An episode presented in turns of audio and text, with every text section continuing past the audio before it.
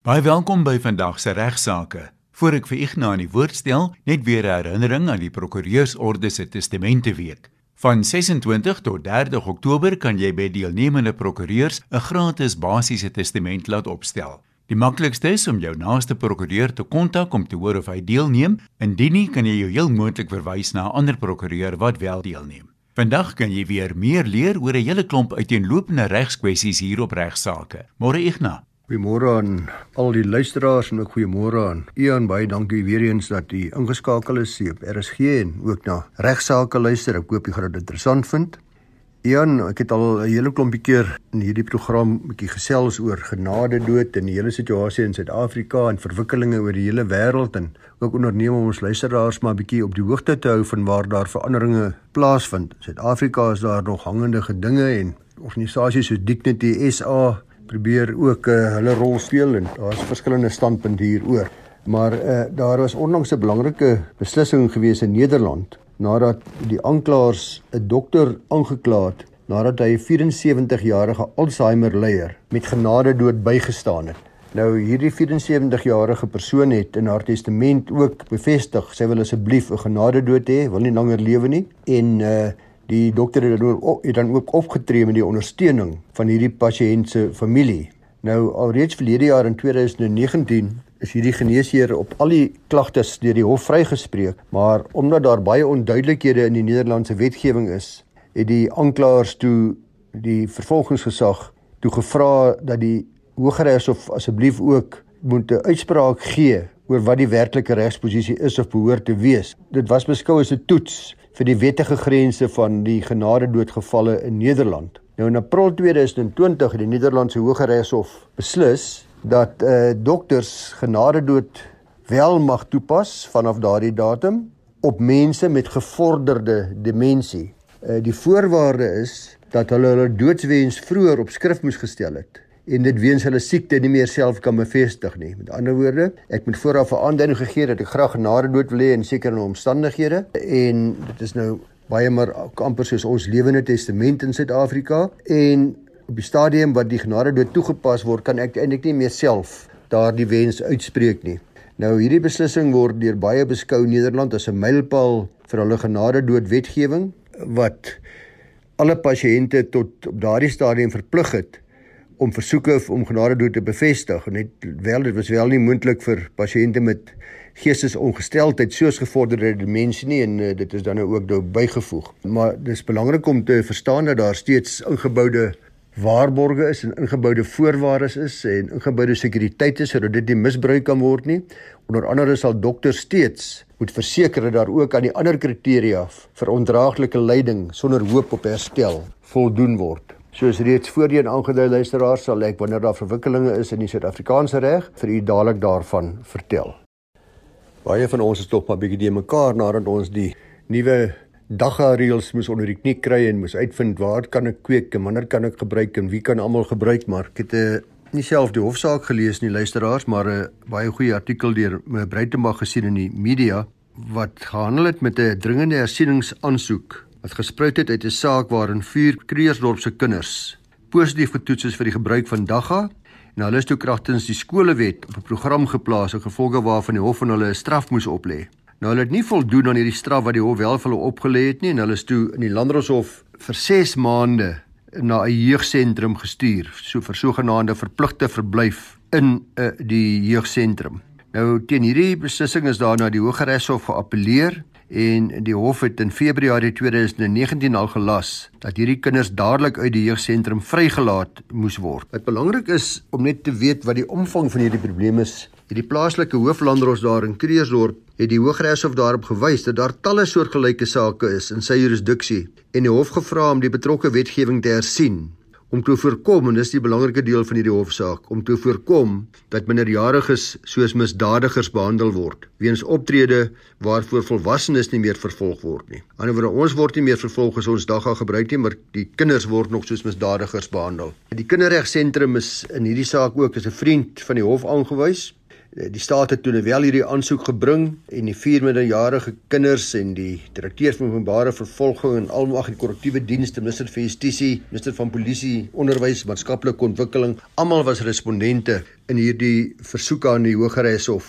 om duidelikheid vir ons te gee. En by nadere ondersoek het dit ook in die lig gekom dat daar honderde kinders na hierdie spesifieke jeugsentrum gestuur word. Nie net weens daggeoortredings nie, maar baie ander verskillende banale oortredings. Een voorbeeld uh, wat genoem word in die media berig is van 'n kind wat 'n ruit in hulle huis gebreek het omdat hy in hulle eie huis so inkom en hy is ook 6 maande gestuur na die jeugsentrum toe. 'n uh, Ander kind het weer 'n haarskeder vir R150 gesteel en moes 6 maande gaan bly in die sentrum.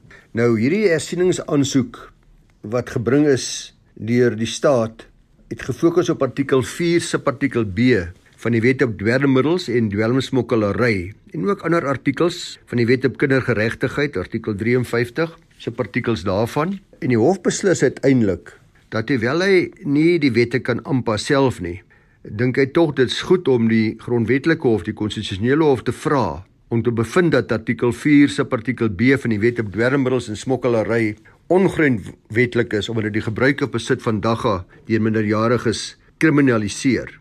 Nou indien dan die hof hierdie aansoek dan nou toestaan, sal die regering dan 24 maande hê om hierdie wetgewing aan te pas.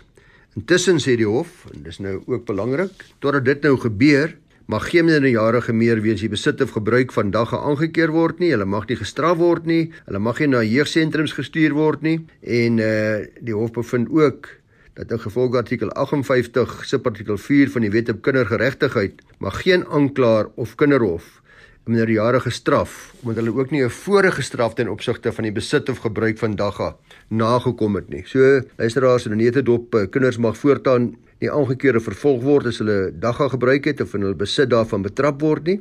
En uh, ek moet ook sê dat die regters in hierdie geval uh, regter Ingrid Opperman en Rata Mogatleng het uh, daar in Johannesburg het baie duidelik gemaak dat nie hulle persoonlik of enige ander party as gevolg van hierdie uitspraak kinders aanmoedig om uh, in die besit van dagga te wees of dit te gebruik nie inteendeel en dat hulle dit ook nie verskoon nie en dat dit natuurlik steeds onwettig is om dagga aan minderjarige kinders te verkoop waarna hierdie saak wel gekyk het en daaroor moet ons duidelikheid hê is of kinders se regte in die toekoms in die toepassing van die betrokke wetgewing nie geskend word nie en of hulle dan nie blootgestel word aan strawwe wat vir hulle nadelig kan wees nie.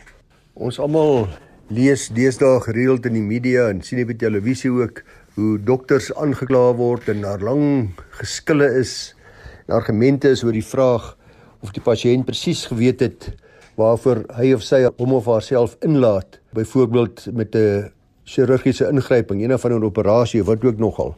En dan word daar gesê ja, maar die mediese is verplig om mens behoorlik in te lig en om ingeligte toestemming te kry voordat hulle sekere behandelinge op jou toepas. Nou wat behels hierdie ingeligte toestemming? Uh een luisteraars, ek gaan probeer om op 'n baie eenvoudige manier 'n baie ingewikkelde konsep net vinnig te verduidelik. Ons kan eintlik 'n lang lesing daaroor hou, maar in 'n netedop kom dit daarop neer dat 'n pasiënt moet baie deeglik ingelig word oor die risiko's en die voordele wat gepaard gaan met enige chirurgiese of mediese prosedures of behandeling en ook enige alternatiewe behandeling wat beskikbaar is. Met ander woorde al die opsies wat daar is vir hierdie pasiënt en dat die pasiënt dan skriftelike toestemming moet verleen om met hierdie behandeling voort te gaan. So die pasiënt moet ingelig wees. Daar moet toestemming gegee word, nie sommer goedsmoeds nie, maar nadat daar 'n behoorlike inligting voorsien is en ook na ander opsies gekyk is. Uh dit kom dan basies daarop neer dat 'n pasiënt 'n rasionele besluit moet kan neem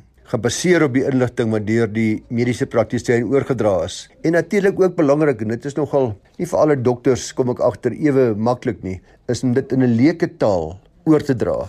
Ek het al soveel maal gehoor en gesien dat uh medisy hulle mediese taal gebruik en dat die pasiënt nie die vaagste benul het waarvan daar gepraat word nie. So dokters moet weer aan hulle bes om seker te maak dat daar ingeligte toestemming is om dit te verduidelik in 'n taal wat duidelik verstaanbaar is vir die pasiënt.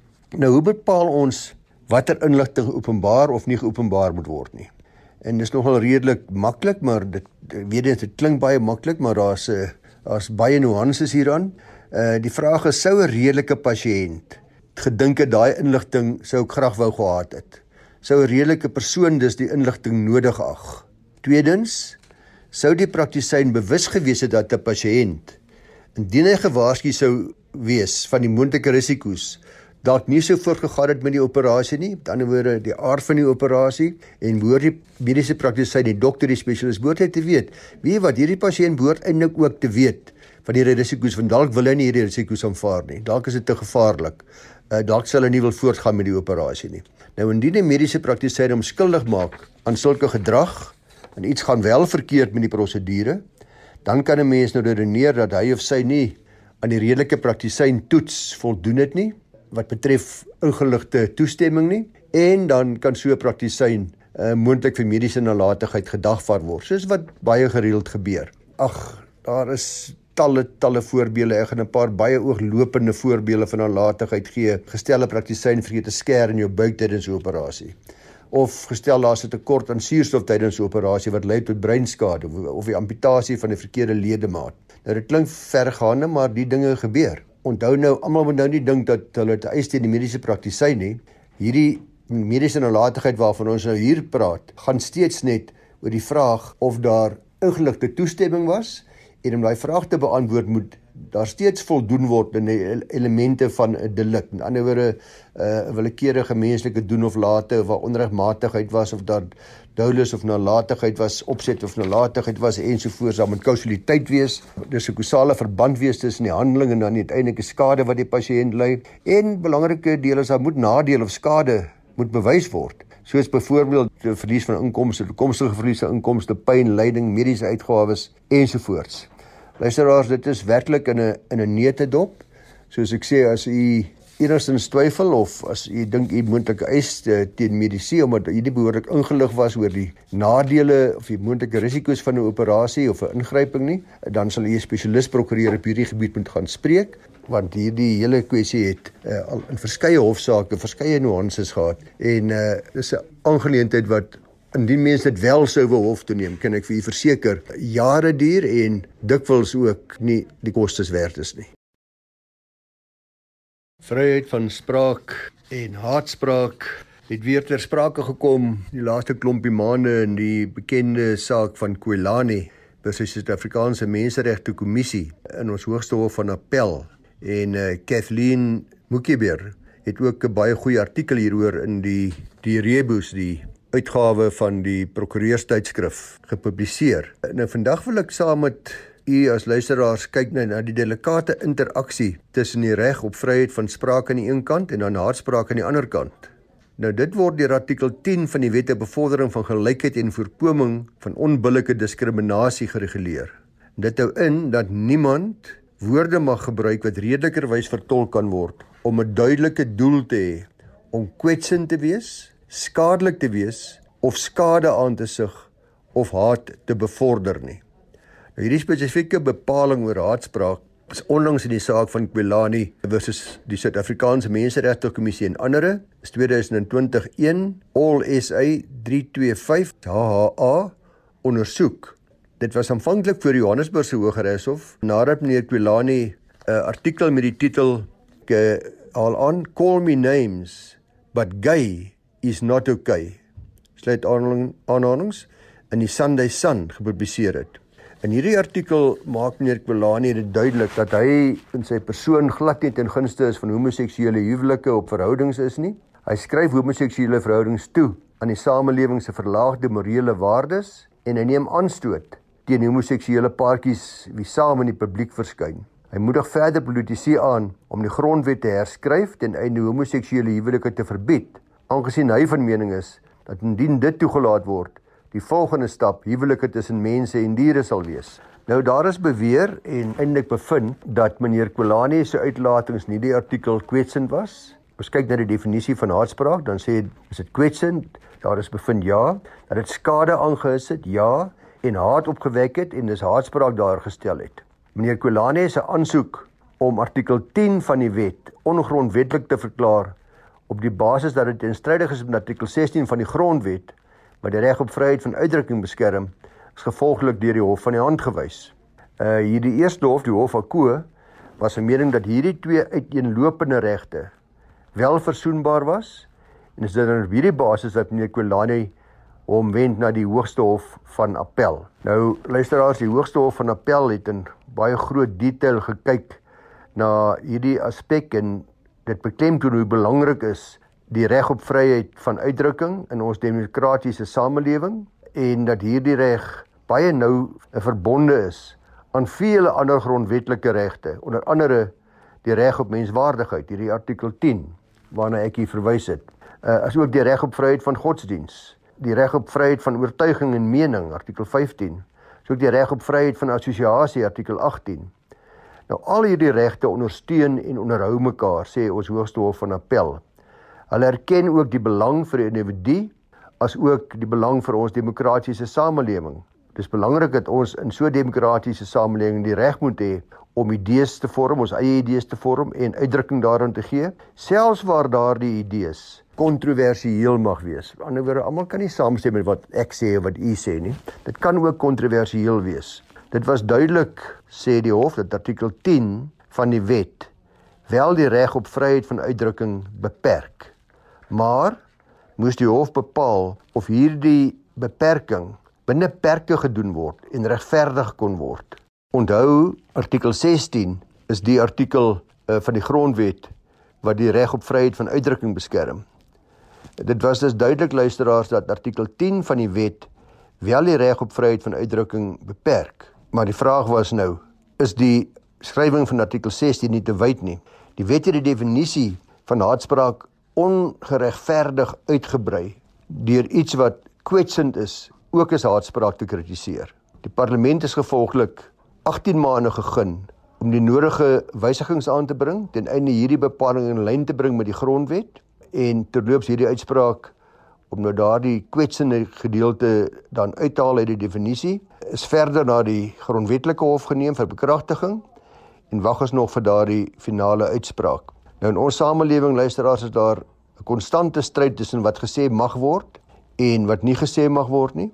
En alhoewel die regulering van haatspraak baie belangrik is, maak hierdie uitspraak dit duidelik dat dit nie beteken dat u en ek ons eie reg het om my en u idees vrylik uit te druk nie. So ons kan dinge sê wat kontroversieel is en waar ander mense nie mee saamstem nie, want vryheid van spraak is en bly 'n hoeksteen van ons demokrasie en die hof sê dus dat die definisie om te sê dat dit ook haatspraak sal wees net bloot omdat dit kwetsend is vir ander mense dat dit te wyd is.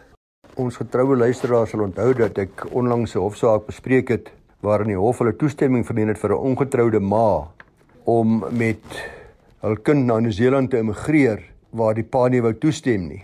Nou in daardie spesifieke geval van RW versus CS 2019 eh, het die hof wel die toestemming gegee want dit was duidelik vir die hof dat dit die belang van die uh, kind sou wees en die ma het daar bona fides bewys deur daaglikse telefoniese en Skype kontak tussen die pa en die kind aan te moedig. Dit is ook duidelik dat die ma uh, se verloofde baie goeie werkgeleentheid in Nieu-Seeland aangebied is, dat die ma voltyds in die kind sou kom omsien ensovoorts.